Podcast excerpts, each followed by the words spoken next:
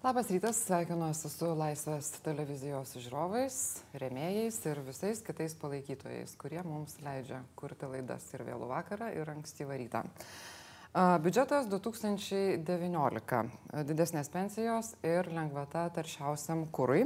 Malkoms 100 plus Seimo pirmininkui, pora šimtų plus prezidentiai ir plus 70 eurų policininkui. Kurioje vietoje šis biudžetas gali būti matomas kaip sisteminės pertvarkos rezultatas, o kuriuose vyriausybė bėga gaisrui iš paskos ir vietomis jį gesina. Na, pavyzdžiui, kaip su papildomais pinigais iki mokykliniam uh, uh, ugdymui.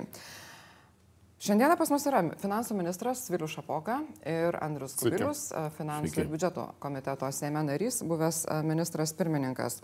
Seimo pirmininkas Viktoras Pranskietis prieš porą valandų žinių radijoje pareiškė, kad šiandieną apie biudžetą jau niekas nebekalba. Tai matyt, na, aš tai tikrai esu vaiduoklis, nežinau kaip mano svečiai, bet šiandien dar mes truputį apie tą biudžetą pakalbėkim.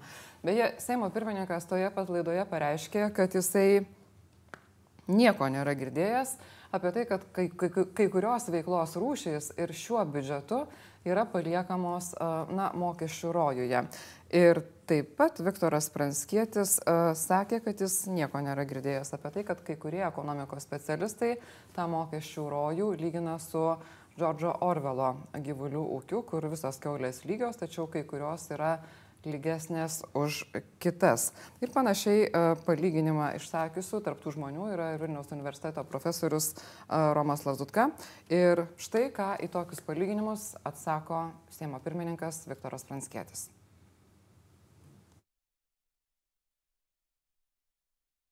Dėl to minimo gyvulių ūkio, tai, tai turbūt jūs girdite tik vieną pusę, tai yra Vilniaus universiteto profesoriaus pasakymas, kuris turbūt gyvulių ūkėje niekada nėra buvęs. Ir jis galėtų pagarbiau taip pat kalbėti ir apie gyvulių ūkius, e, pamatęs, koks ten yra darbas, o, o ne iš karto reikšti nuomonę apie tai, kaip, e, kaip yra gerai gyvulių ūkiuose. O gyvulių ūkis, jeigu jau apie jį kalbėti, tai Lietuvoje yra susitraukęs turbūt tris kartus lyginant su tuo, koks jis būdavo, lyginant netgi su 1916 metais jis yra mažesnis. Taigi e, turbūt nereikėtų taip. Ir Ką tai yra taip kas čia susitraukia? Gyvulių skaičiai. O, dieve, tai mesgi kalbam apie perkeltinę prasme, čia kalba apie tai, jog daugelį na, sektorių, profesijų yra mokesnės lengvatos ir jie gali mokėti tikrai daug mažesnius mokesčius santykinai negu tie, kas uždirba mažiau. Tai, kad nevienoda, nevienodas sąlygos e, skirtingiems e, sektoriams, skirtingas pajamas turintiems žmonėms Lietuvoje. Nežinau, ką jūs čia turite omeny.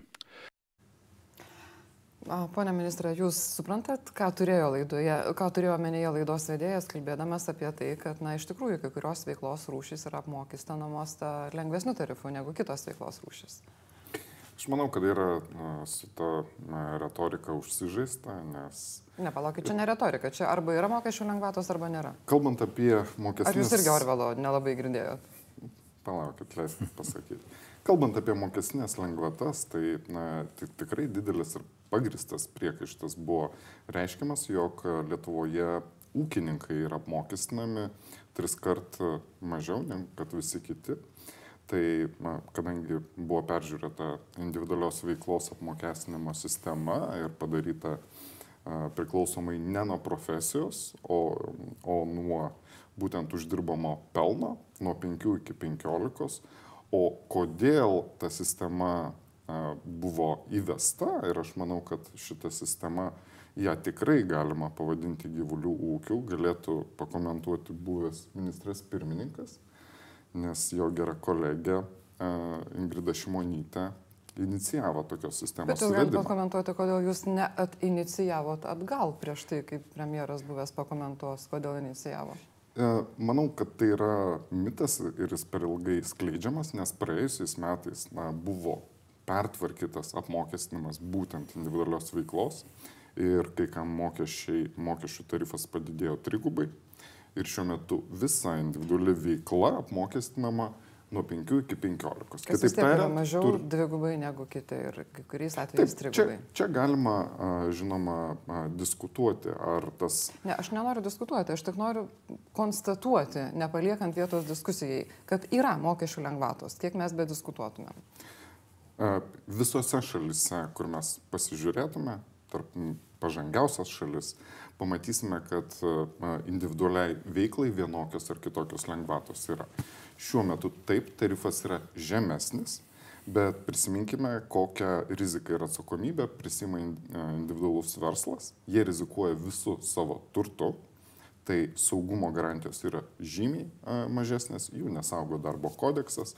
Tai čia ta diskusija, jinai, žinoma, galima, kaip ateityje galbūt reikėtų artinti tuos tarifus, bet sakyti, kad yra visiškas gyvuliūkis, aš manau, kad tikrai su šita retorika, jinai tampa jau žeminančia, manau, kad reikia sustoti. Kitas rytis, kurią mes taip pat tvarkome, tai yra na, verslo liūdėjimai. Ir na, tose sritise, kur yra šešėlis didžiausias, tai yra autoremontas, tai yra na, statybos, tai yra na, auklių paslaugos, yra numatoma panaikinti tokią galimybę ir žmonės perės prie individualios veiklos pagal pažymą, kur tarifas priklausys nuo uždirbamo pelno. Mhm. Ir tada jau jie nieko neberizikuos, nes tiesiog neberizikuos nei tuo, ką jie gali uždirbti arba ne, nei savo turtu, nei kažkuo kitu. Ne, Pone- jie, taip. jie lygiai taip pat rizikuos visų savo turtu, nes verslo liūdėjimas ir individuali veikla pagal pažymą, tai ta pati individuali veikla, tik tai skiriasi apmokestinimo principas. Individualioje veikloje mokestis sumokamas į priekį, o šiuo metu individualioje veikloje pagal pažymą mokestis sumokamas priklausomai nuo pelno. Tai taip, apie tai ir kalba, kad kai kurie ūkininkai gaunantis to pelno daugiau negu auklė, sumoka mokesčių mažiau negu auklė, tai apie tai tik tai ir kalba. Pone Kubiliau, kadangi jūs iniciatorius to, to gyvulių ūkio Lietuvoje, tai gal galit pasakyti savo nuomonę, kaip jūs vertinat, ar yra gerų dalykų biudžete, kuris priimtas Seime vakar? Na, tai pirmas dalykas apie tą inicijavimą. Tai čia gal ministras ne visiškai tikslus, arba jis tiek jaunas ir nepatyręs, kad nepamena paprastų Nebejaunas. istorinių dalykų, nes iki 2008 metų, iki taip vadinamos tos naktinės reformos, tai ūkininkai aplamai buvo beveik išjungti iš mokesčių sistemos. Tai Ne, aš turėjau, pradėjom... turėjau menį skirstimą pagal profesijas. Jo, gerai. tai yra aš, bet aš nenoriu ties to sustoti. penki ir 15. Jo, tai ties to nenoriu sustoti, nu, iš tikrųjų, mano Kodėl? manimu, mano manimu, to gyvulių ūkio dar yra pakankamai, čia kažkas padaryta, bet pati problema jinai išlieka. Ir iš tikrųjų, jeigu pažiūrėti į biudžeto pajamas, kas daugiausia sumoka, taip sakant, į biudžetą, tai čia garsita irgi yra metafora, kad Maksimos kasininkė sumoka žymiai daugiau negu, negu taip sakant, tie, kurie, kurie turi žymiai didesnius pelnus. Bet vėlgi, palikim tuos klausimus toliau. Dabar vakar iš tikrųjų padarytas sprendimas, valdantieji nusibalsavo už biudžetą. Ir čia, nu, aš tik tai vardinčiau dvi problemas. Vienas tai, kaip iš tikrųjų pats biudžetas buvo svarstomas. Tai mano manimu jis buvo svarstomas, nu, Lietuvoje vis neišmokstama e, tokio elementarios dialogo kultūros. Opozicija, pažiūrėjau, neturėjo galimybių per visą laiką biudžeto nei su ministru normaliai pasikalbėti, nei su premjeru, nei su šakiniais ministrais. Nu, paprasčiausiai neteina. Tai e, lygiai taip pat, mano manimu, nu, e, kas, kas paaiškėjo, kad ir viešojo sektoriaus, bent jau atskiros grupės, tie patys mokytojai, jautėsi visiškai užmiršti. Tai čia vienas, viena problema. Tai yra klausimas, taip sakant, kalbėjimosi, dialogo kultūros ir taip toliau. Antras dalykas yra biudžeto turinys. Tai čia galima, aišku, nuklysti į detalės, e, bet esminis, esminis klausimas, kurį mes kėlėm jau ir birželio mėnesį per e, taip vadinamos mokesčių reformos svarstymą, e, kad, na, kur šiandien yra Lietuvos didžiausia biudžetinė problema, tai yra tai, kad mes ir toliau bandom gyventi, nu, taip liaudiškai tariant, su mažesniu piragu, negu kad kitos normalios valstybės aplink mus gyvena. Tai Lietuvoje tas perskirstimas arba tai vadinama pirago dydis yra 30 procentų nuo BVP, tie patys estai turi 34 procentus, ES vidurkis ten turbūt apie 40, nuo BPO 35. Tai to pirago e, didinimo taip ir nėra šitam biudžete. E, priešingai reiškia, yra pasirinktas kelias, nu toks sakyčiau, liberalus, yra sumažinti darbo jėgos apmokestinimo e, mokesčiai. ministras nutarė, kad milijardą išdalinti milijonui čia yra svarbiausias reikalas, tai mano manimu čia yra tam tikra prasme na, strateginė klaida, jinai tęsiasi toliau ir to pasiekai yra tai, kad pradeda vis labiau uh, na, nepasitenkinimą reikšti viešasis sektorius. Bet žiūrėkit, bet darbo jėgos apmokestinimo mažinimas turbūt yra geras dalykas. Tai, tai ką rekomenduoja bet... ir užsienio ekspertai ir ką jūs patys esate žadėję padaryti. Tai viskas tvarkoja, bet klausimas vienas. Reikia susidėlioti labai aiškiai prioritetus. Ką kada darom? Tai jeigu mes sakom, kad piragas su 30 procentų yra per mažas ir reikia pasiekti 304 procentus, tai yra rasti būdą ar per nekilnojamą turtą, ar per, ar per tą patį gyvulių ūkio, ten dar, taip sakant, išlyginimą kad ir, ir notarai, ir advokatai ten mokėtų normalesnius mokesčius. E, tai čia yra įvairių galimybių. Ir kai tą pasiekė, tai tada jau gali galvoti, kaip štai tame piragė 34 procentų, kaip perskirstyti tam tikras, iš kur tu gauni tas pajamas. Sumažinti iš darbo jėgos, padidinti iš kažko kito. Bet pirago reikia 34 procentų, nes jeigu neturi tokio pirago ir dalini viskam, dalini krašto apsaugai, dalini pensijom, dalini vaiko pinigus, Tai staiga paaiškėjo, kaip toj vaikystės, kur čia mes visi praėjom, ta, tam davė, tam davė, tam davė, o tam nebeliko. Ir tas nebeliko yra viešasis sektorius. Ir jisai pradeda, jau pradeda, taip sakant, na, e, labai ryškiai reikšti savo nepasitenkimą. Ir kas svarbiausia, kur didžiausia problema, kad ministras ir vyriausybė ir Seimo dauguma užprogramavo problemą minimum trim metam į priekį. Nes jie tą piragą, taip sakant, sumažino, e, tą milijardą išdalino parodė, kaip jis bus mažinamas dar toliau, reiškia, dar, dar sekančius du metus, tai viešajam sektoriu žmonės protingi ir jie supranta, ką tai reiškia. Ir jie, neturėdami vilties, eina į gatves. Na, vienas iš tų protingų žmonių, tai yra Justas Mandeikis, ekonomistas irgi iš Vilniaus universiteto, jisai sako, mokesčių reformos metinė kaštai 200 milijonų pirmais metais, 380 antrais ir 573. Ir tą dekonstravimą jis atliko pasiklausęs jūsų kalbos apie vakar patvirtintą biudžetą. Ką galite atsakyti apie tą visų pirma per mažą piragą ir visų antra, kas turbūt šiandien yra kur kas svarbiau, kiek šis biudžetas yra sudarytas atsižvelgiant į prognozes, kad pasaulinė ekonomika na, ir Lietuvos taip pat lėtės. Jo, tai aš pradėsiu nuo prognozų, tai a, puikiai turbūt visi žino, jog finansų ministerijos prognozijos kaip taisyklė būna pačios tiksliausios.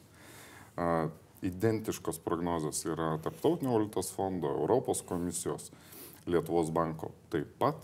Tai šioje vietoje aš manau, kad pagrindas biudžeto yra tikrai labai konservatyvus ir, ir pasvertas, jį ir patikrino ir valstybės kontrolė kalbant apie per mažą piragą ir 34 procentus. Taip, palaukit, aš neišgirdau atsakymo, kas leidžia nusiraminti dėl pirago surinkimo, mažinant mokesčius, tuo metu, kai ekonomika lėtės.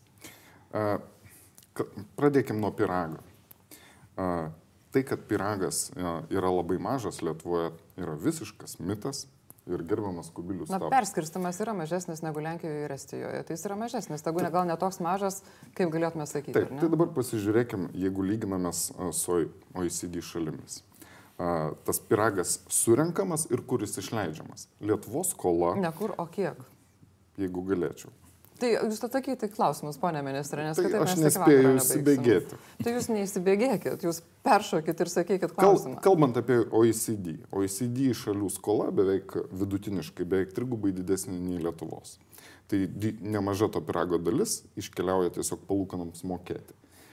Kuriant mitą kad, ir uh, tvirtinant visiems, kad pas mus tiesiog yra per mažai pinigų ir kad reikia didinti mokesčius tam, kad padidinti viešajam sektoriui, iš tikrųjų darome žalą Lietuvai. Nes didžioji Lietuvos problema yra du labai neefektyvūs sektoriai, tai yra švietimo ir sveikatos. Ir čia, ką ponas Kubilius besakytų, visos tarptautinės organizacijos tą yra patvirtinę. Tai aš manau, kad reikia koncentruotis čia ir aš abiem ministram esu pasakęs, kad labai viskas priklausys nuo jų pastangų kaip sutvarkyti sistemą tam, kad šitas pinigų papildomas a, davimas, kad sistemos būtų tvarios. Vienam ministrui galėsit pasakyti iš naujo, nes ta, kuri galėjo sutvarkyti ir sakė, kad reikia efektyvinti ir, pavyzdžiui, mažinti mokytojų skaičių, ką jinai pasakė jau po to, kai buvo atleista, na, tas nebuvo gyvendinta. Ir iš tiesų, kiek šis biudžetas atspindi tai, kad švietimo sektorių reikia optimizuoti. Ar kas nors suskaičiavo, kiek iš tikrųjų reikia mokyklų, kurioje vietoje reikia tų mokyklų, o kurioje geriau mokyklos nereikia, bet reikia daugiau mokyklinių autobusiukų, kad vaikus būtų galima greitai, ne per dvi valandas nuvežti į mokyklą, kurie gaus gerą išsilavinimą ir tuo pačiu geresnę ateitį. Žinoma, kad tos analizės yra atliktos. Tai kas jie atliko, berots, kur jinai yra? Berots pirmas atliko Gabrielius Landsbergis, nes jis prieš du tai metus, pasiremė. prieš rinkimus, labai aiškiai pasakė, kad švietimo sistemoje papildomo finansavimo nereikia. Jis ir Pone taip. Ministrė, aš dabar didelis. nenoriu, kad mes leistumėmės. Ne, ne, ne, čia labai, svarbi, labai svarbus labai dalykas. svarbu yra tai, ką padarė arba ko nepadarė ši vyriausybė, kurioje jūs dirbote dviejus metus. Taip. Ir galima ironizuoti apie aš konservatorius, ne... aš irgi mielai tą darau, bet šiandien ne konservatoriai sėdi finansų ministerijos svarbiausiame poste, bet sėdit jūs. Tai labai maloniai prašau atsakyti į klausimus apie savo veiklą. Kur yra ta analizė apie švietimo įstaigų tinklo optimizavimą ir kur reikia mokyklų, o kur nebūtinai? Taip, tai su, kodėl aš nesutinku uh, su uh, pozicija. Kur, tai jūs nesakysit, kur ta analizė yra. Na, tikrai pasakysiu. Tai siūlymas sumažinti uh, mokytojus 50 procentų, na, ką pasiūlė Gabrielius Landsbergis, manau, kad nesprendimas etatinio apmokėjimo sistema, kuri buvo paremta tikrai rimtomis analizėmis, ką jinai daro. Jinai daro taip, kad pinigai nukeliautų mokytojų atlyginimam, o ne pertekliniai infrastruktūrai, taip priversdamos savivaldybės rūpintis, kad tinklas taptų optimalus. Kiekvienoje uh, srityje mes uh, duodami savarankiškumą turime kalbėti ir apie, atsakomybę.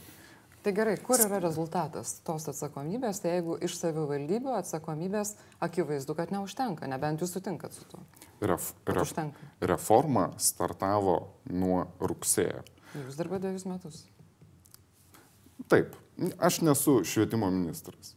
Jūs esate finansų ministras ir švietimo ministerija taip, gauna finansinės paskatos, finansinės paskatos padarytos taip, kad palaipsniui tas tinklas būtų suoptimizuotas, nes čia mes irgi kalbame apie socialinį dialogą.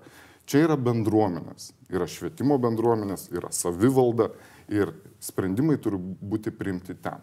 Ką mes padarėme? Mes padarėme sistemą, kuri skatintų juos ir įgalintų a, tas pertvarkas padaryti. Jeigu mes darysim centralizuotų būdų, ar ne, švietimo srityje, kur visas pasaulis sako, jog kad mokytojai, mokyklų bendruomenės yra stiprios ir savarankiškos ir pajėgia susitvarkyti, šiuo atveju e, tokiu konservatorių būdu mes nubrauktume visą šitą logiką.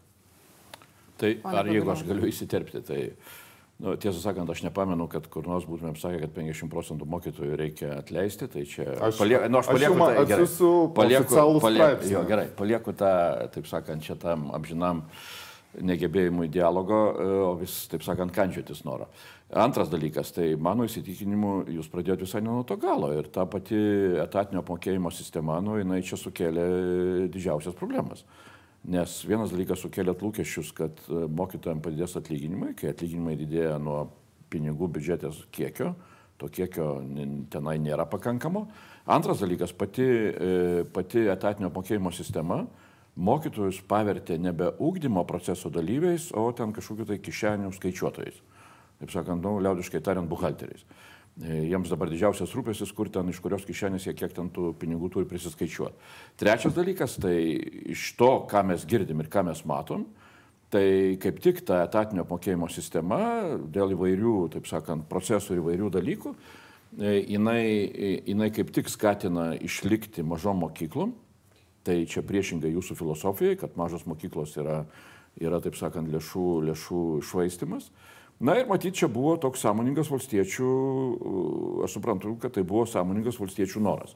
Būtent to, tokį rezultatą pasiekti.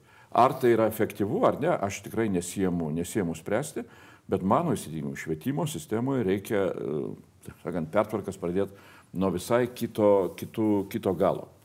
Ir čia mūsų skaičiavimai tenai, ar ten per daug mokytojų, ar per mažai mokytojų, jie niekur taip ir netves. Jeigu jeigu nepradėsim kalbėtis tai, ką kalbėjosi kokie nors suomių politikai 70 metais, tai yra, kaip turi atrodyti 21 amžiui ūkdymo procesas, kuris darosi vis labiau individualizuotas. Ir kitaip sakant, mums reikia susikoncentruoti į mokytojo ir mokinio santyki. Ir kaip jį padaryti labiau individualizuotą. Ir tik tada mes galėsime ateiti ir pasakyti, kokia turi būti klasės apimtis, kiek tenai, kiek kokios mokyklos yra, yra tinkamesnės ir taip toliau, ir taip toliau. Dėl, tai čia aš nenoriu to Dėl, dėl, tęsti. dėl šito turbūt niekas nesigilinti. Aš nenoriu to tęsti, bet čia- mano manimu, tai tik viena problema, ne, aš tik pabaigsiu. Tai kodėl švietimo bendruomenė, mano įsitikinimu, na, yra nusiteikusi taip revoliucingai? Todėl, kad iš tikrųjų šitoje vietoje labai svarbu yra valstybės lyderystė. Ir iš eilės ir viena ministrė, ir kita ministrė dėja tos lyderystės nesugebėjo garantuoti, yra daromi kažkokie atsitiktiniai žingsniai, tai tenai pratrumpinamos atostogos, tai prailginamos, tai etatinis apmokėjimas, tai dar kas nors. Ir švietimo bendruomenė, kuri yra šviesi savo išsilavinimu, jinai iš tikrųjų praranda viltį, kad kada nors atsiras kokia nors iškesnė kryptis. Na, mūsų žiūrovas Arnas Penkaitis a, parašė man pasiūlymą dėti ministrą į šuns dienas, beje, jūs irgi galite ką nors pasiūlyti arba ko nors paklausti čia komentaruose prie YouTube transliacijos. Bet tiesą pasakius, aš vienodai norėčiau dėti šuns dienas ir dabartinę finansų ministeriją, ir a, pono Kubiliaus laikų, nes jūsų laikais irgi buvo, a, konservatorių turiu galvoje, a, nebūtinai tiksliai jum vadovaujant, buvo gyva tokia idėja, palikite tą mokyklą ramybėje, jinai pati susitvarkys. Na, nesusitvarkė. Ir kai mes kalbam apie centralizuotus galbūt sprendimus, tai Estija savo laiku tą padarė. Kai trūko savivaldybių valios imti ir priimti ryštingus sprendimus, kad būtų pinigai leidžiami ne oro arba sienų šildymui, o mokytojų atlyginimams, tai na, buvo perimtas, kaip sakykime, taip valdymas ar neuždarytos mokyklos, kurių iš tikrųjų nereikia ir tada atsakomybė gražinta savivaldybėms. Kodėl Lietuvoje neišeina to padaryti? Aš galiu pakomentuoti skirtumą tarp Estijos ir, ir Lietuvos sprendimų prieimimo prasme. Lietuvoje mes turime mišrę sistemą, vienmandatininkai ir pagal sąrašą, Estijoje yra visi pagal sąrašą. Ir šiuo atveju, kuomet yra priimami centralizuoti sprendimai, jie priimami politiškai žymiai lengviau. Ir turbūt gerbiamas Kubilius tą patvirtins, tai yra suomiškas variantas. Dėl to, jeigu mes savivaldai duodame na, daugiau galių ir, ir šiuo atveju turime duoti daugiau atsakomybės, tam, kad uh, jos tikrai įtrauktų Kurioje bendruomenės. vietoje čia sąrašas taip tiesiogiai su tuo susijęs, su savivaldybių atsakomybė, o ne su populizmu tų, kurie išrinkti pagal sąrašą. Na, galima, na, čia yra per, per dešimtmečius Lie- Lietuvoje, na, tai turbūt puikiai žinote, įprasta praktika. Jeigu tai liečia kokį nors objektą toje savivaldybėje, tame regione, iš kur, kur buvo rinktas Seimo narys, Seimo narys na, tikrai rodydamas rūpestį ir galbūt perdėm didelį rūpestį, kad viskas liktų taip, kaip yra, Arba būtų geriau?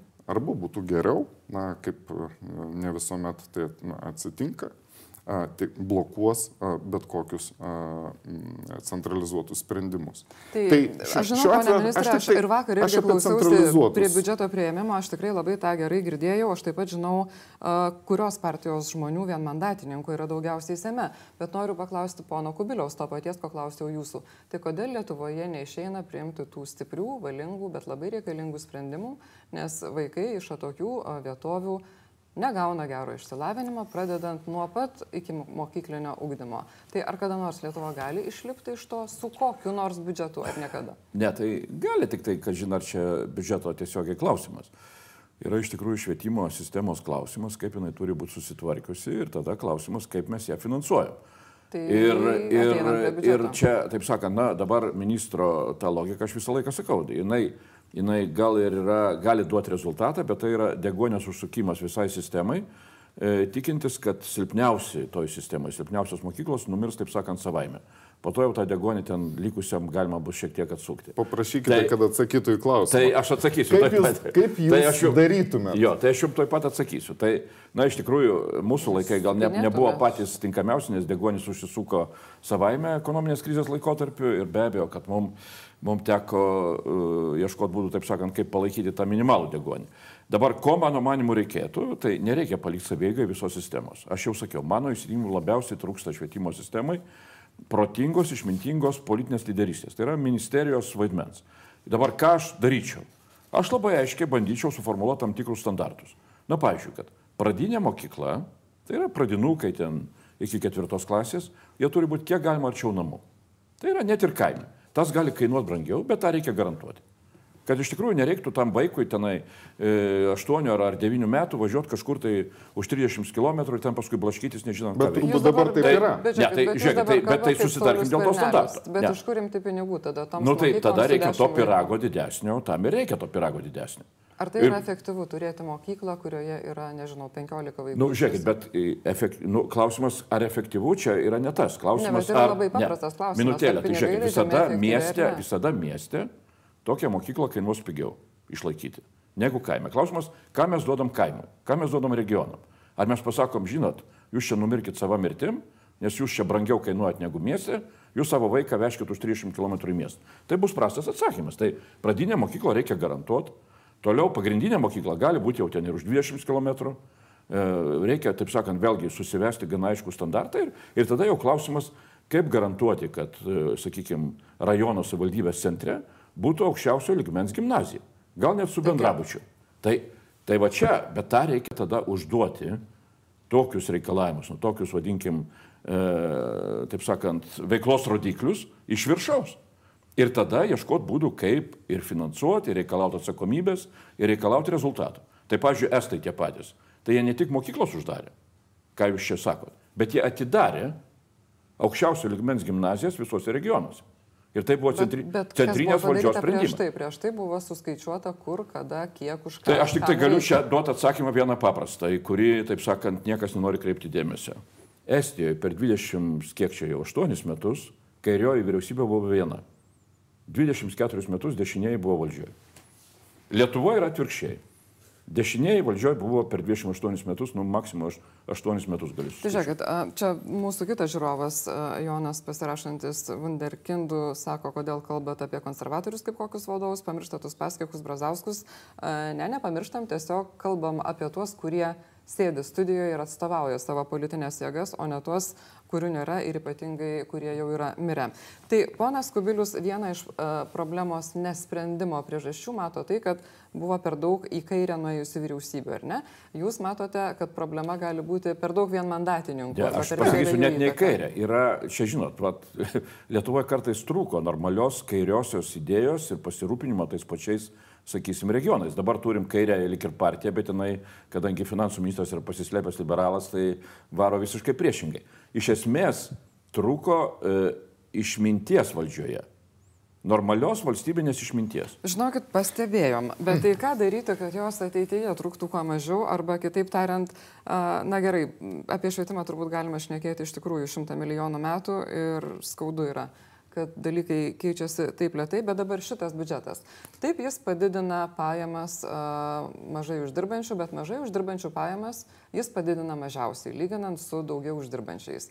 Kaip galit šitą paaiškinti, kalbant apie tai, jog vis dėlto žadėta buvo orientuotis į tą atskirties mažinimą. Kaip tas sumažina atskirtį, jeigu aš vis tiek uždirbsiu daugiau, negu mažiausiai uždirbantys žmonės. Jūs A, beje irgi. Taip, ačiū už klausimą, nes švietimas nėra vienintelė problema. Taip, be abejo. Ir dabar šitam trumpam laikotarpiu pamiršome, kad ir emigracija yra problema. Tai jeigu mes Na, nedidinsime jūsų žmonių... kolega ūkio ministerijoje sako, kad nėra tokia didelė problema. Tai aš dabar kalbu už save.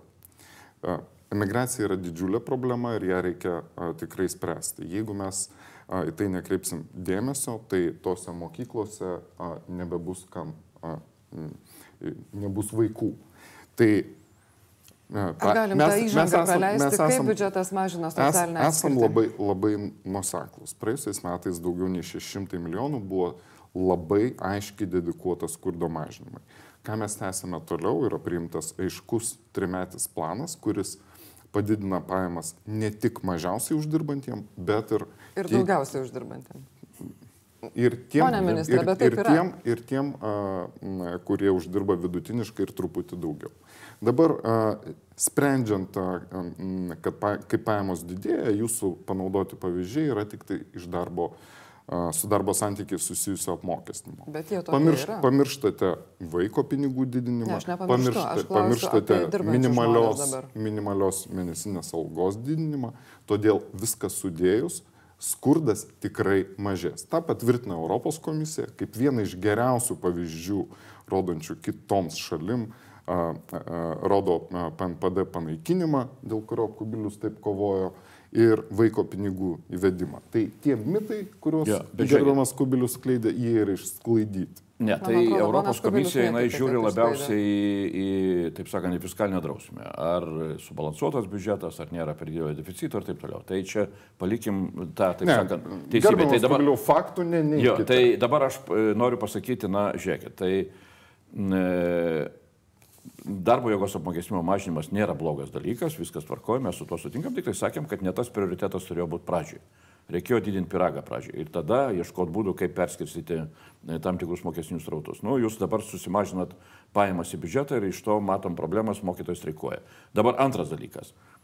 Ir e, iš tikrųjų jūsų tas garsus iššūkis - milijardas milijonui, na, jisai atspindi realybę. Ir čia tai, ką, ką gerbiamą rytą tuos skaičius sakė, tai iš tikrųjų irgi yra tiesa. Tas, kas uždirba 4 tūkstančius, tam prisideda 100 ir daugiau, premjerui ten 130 ar kažkiek, kas uždirba minimalią algą, tas gauna 14 eurų priedo. Kitaip sakant, e, tas milijardas pasiskirsto, galėjo būti paskirstytas protingiau. Kodėl dabar, pavyzdžiui, Seimo nariui jūs prideda dar ten 50 eurų prie atlyginimo? Tai gal galima buvo nepridėti, gal buvo galima ieškoti kitokio sprendimo. Ir tuos tą milijardą tą pasukti labiau į, į skurdžiausią sluoksnį. Dabar vaiko pinigai. Gal tada pabandom Tai leisti aš tik tai dar pasakysiu dar. Nu vėl, vaiko pinigai labai gražiai skamba. Taip, visi vaikai vienodi, nėra nei turtingų, nei neturtingų, duokim visiems pinigų. Bet realiai duodam tėvam. Tai vėl tam pačiam Seimo nariui, kuris augina vaikus, arba ministrui pirmininkui, kuris augina vaikus, jūs dar prideda dar ten dabar kiek jau ten 50 eurų. Ar tikrai jam to reikia, kai būtų galima skirti tai tiem patiem mažiau, mažiau turtingiem, mažiau, mažiau pajamų turintiem. Tai šitoj vietoje iš tikrųjų to pirago perskirstimas, nu, nėra labai išmintingas. Jūs, taip sakant, visiems tą piragą padalinam, net ir tam, kuris ir taip užsidirba, ir to pirago iš valdžios galbūt jam per daug ir nereikėtų. Vietoj to būtų galima dvigubai didesnę to pirago riekę triekti tam, kuris tikrai yra neturtingas. Na, aš tikrai na, pakomentuosiu, nes daug netiesos yra pasakyta. Yra numatytas trimetis. nuo, Aš labai trumpai. nuo to, kad iš tikrųjų už vaikus pinigus gaus vienodai ir turtingi žmonės, ir neturtingi žmonės. Dabar pasižiūrėkim, kas, kas įvyko. Anksčiau, kuomet buvo PNPD, didžiąją... Ar galim kalbėti apie tai, kas įvyko vakar, prie, prieimus kitų metų biudžetą? Taip. Ačiū. Kuom, kuomet buvo PNPD, pasinaudodavo tik tai turtingieji. Ir šeimos, kurios uždirbdavo mažai, nepasinaudodavo. Jūs ką tik Tai pažadėjote kalbėti apie tai, kas bus tai- prieimus šį biudžetą. Tai žingsnis a, pakeisti vaiko pinigais ir juos didinti, jeigu mes pasižiūrėsime į Lietuvą, tai e, į, kaip į, į visumą, tai yra skurdo mažinimas. Nes a, tie, kas už, uždirbo daug, jie ne, nebegali pasinaudoti PNPD ir iš to gauti didžiąją Apie naudą. vaiko pinigus dabar O kalbame, ne? vaiko pinigai yra skirti vaik, vaikų ir šeimų su vaikais skurdo mažinimui, kur yra oficialiai pripažįstama didžiausia skurdo Ir problema dabar apie tas šeimas, Lietuvoje. kurios neskursta, bet gaus tokius pat vaiko pinigus. Čia yra pasi, pasirinkimas e, iš tos pusės. Galima konstruoti pa, pagal turto kriterijus, pajamų kriterijus, bet tai veda ir sukuria kitą didelę problemą, o oficialių pajamų slėpimą. Dėl to yra atlikti skaičiavimai, kad jeigu mes įvedame pajamų kriterijus, tai valstybės išlaidos nuo to nesumažės dėl to, kad padidės šešėlis. Visa tai yra labai pasverta ir paskaičiuota. Turiu dar vieną klausimą, kurį kėlė Linas Balsys, svarstant biudžetą iki mokyklinio ugdymo pedagogams. Pinigus naudojate tuos, kurie turėjo būti skirti klimato kaitos programai. Tai yra dalykus, kurie turėjo kaip ir būti skirti namų renovacijai ir, ir, ir kitam švaresniam orui užtikrinti, jūs ten kažkaip žadote užšaldyti, atšildyti ir panaudoti ten, kur jie neturėtų būti panaudoti pagal klimato kaitos programą. Ar tai nepažeidžia fiskalinės drausmės įstatymo? E, tikrai nepažeidžia, nes tai, jeigu labai paprastai, tai taisyklė yra tokia, yra išlaidų riba, jeigu mes kažkur neišleidžiame, tai kitur galime išleisti. Ir a, nėra. Ponas Balsys sako, kad yra kitaip. Tai aš dabar nežinau, kurio iš jūsų tikėti. Gal ponas Kubilius gali būti arbitras? Na, a, analogiška situacija yra su a, kelių fondu, ten taip pat ir tas patikrinta Europos komisijos. A, kalba, Ar tikrai kal... sutinkat, ponia Kubilius? Ja, aš tikrai nežinau dėl klimato kaitos. Aš tik tai galvoju, kaip čia yra, kad žaliųjų per brūkšnelį valstiečių valdžia klimato kaitos pinigus leidžia ne Jeigu leis, leisite tai, paaiškinti, aš paaiškinsiu. Leistas aplinkos ir ministras dar, irgi pasakė, kad tie pinigai tiesiog bus pravalgyti. Nu jo, ir dar, ir dar malkas skatina deginti, kas yra taršos, taip sakant, didelis e, objektas. Klimato kaitos fondas, lyginant su, lyginant su šiemet, kitais metais dvigubėja. Ir kadangi buvo problemų jį panaudoti laiku. Turėjo dvigubėti, turbūt turėtume sakyti, kadangi tie pinigai bus išleisti ne tai programai, bet kokiu atveju. Na, e, prognozuojama buvo 80, dabar bus 70, kai šiemet tai yra e, apie 40. Ir šitoje vietoje, jeigu bus surinkamas, e, na, kaip čia perteklinės pajamos, šiuo atveju bus galima atšaldyti ir panaudoti uh, klimato kaitos fondą visą tą apimti, kokia jinai yra prognozuojama. O kas bus su ta dalim, kuri jau bus panaudota iki mokyklinio augdymo pedagogų atlyginimams? Jinai dar galės būti panaudota klimato kaitos programoje ar nebelabai? Na, tie 13,4 milijono, kurie yra numatyti prieš mokyklinio ir iki mokyklinio ūkdymo specialistų atlyginimams, jie bus panaudoti nuo sausio pirmos dienos, tam, kad atlyginimai auktų 10 procentų. O gerai, turiu dar vieną klausimą. Vakar kokius keturis kartus girdėjau, kai Seimo nariai reiškė savo pageidavimus arba mokykloje, arba stadionui mokyklos, arba ligoniniai.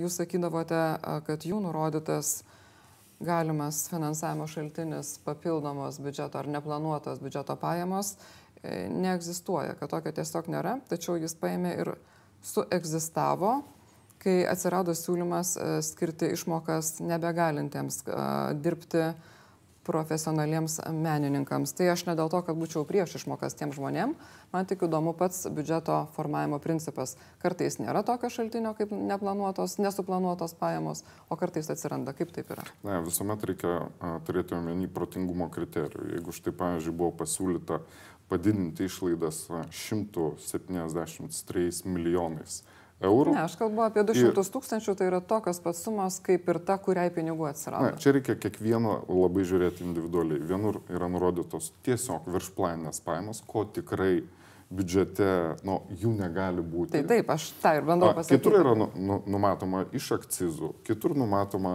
maž, siūloma mažinti išlaidas uh, vienai ar kitai ministerijai. Tai čia reikia labai individualiai žiūrėti.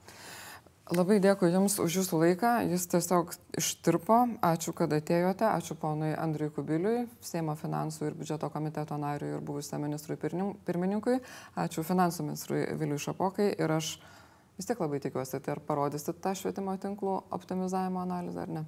Aš manau, kad naujasis ministras naujasis ar ministrė. Ministras tikrai parodys tą lyderystę ir viską parodys. Tikiuosi ir aš. Ačiū tiems, kas žiūrėjo ir primenu, kad jeigu užsiprenumeruosite Laisvės televiziją, paspaudę tą varpelį ekrano kampe, visada gausite pranešimą. Nesvarbu, kaip anksti ryte arba kaip vėlai vakare, mes ką nors jums be paruoštume. Ačiū, kad žiūrit ir ačiū, kad palaikot. Iki.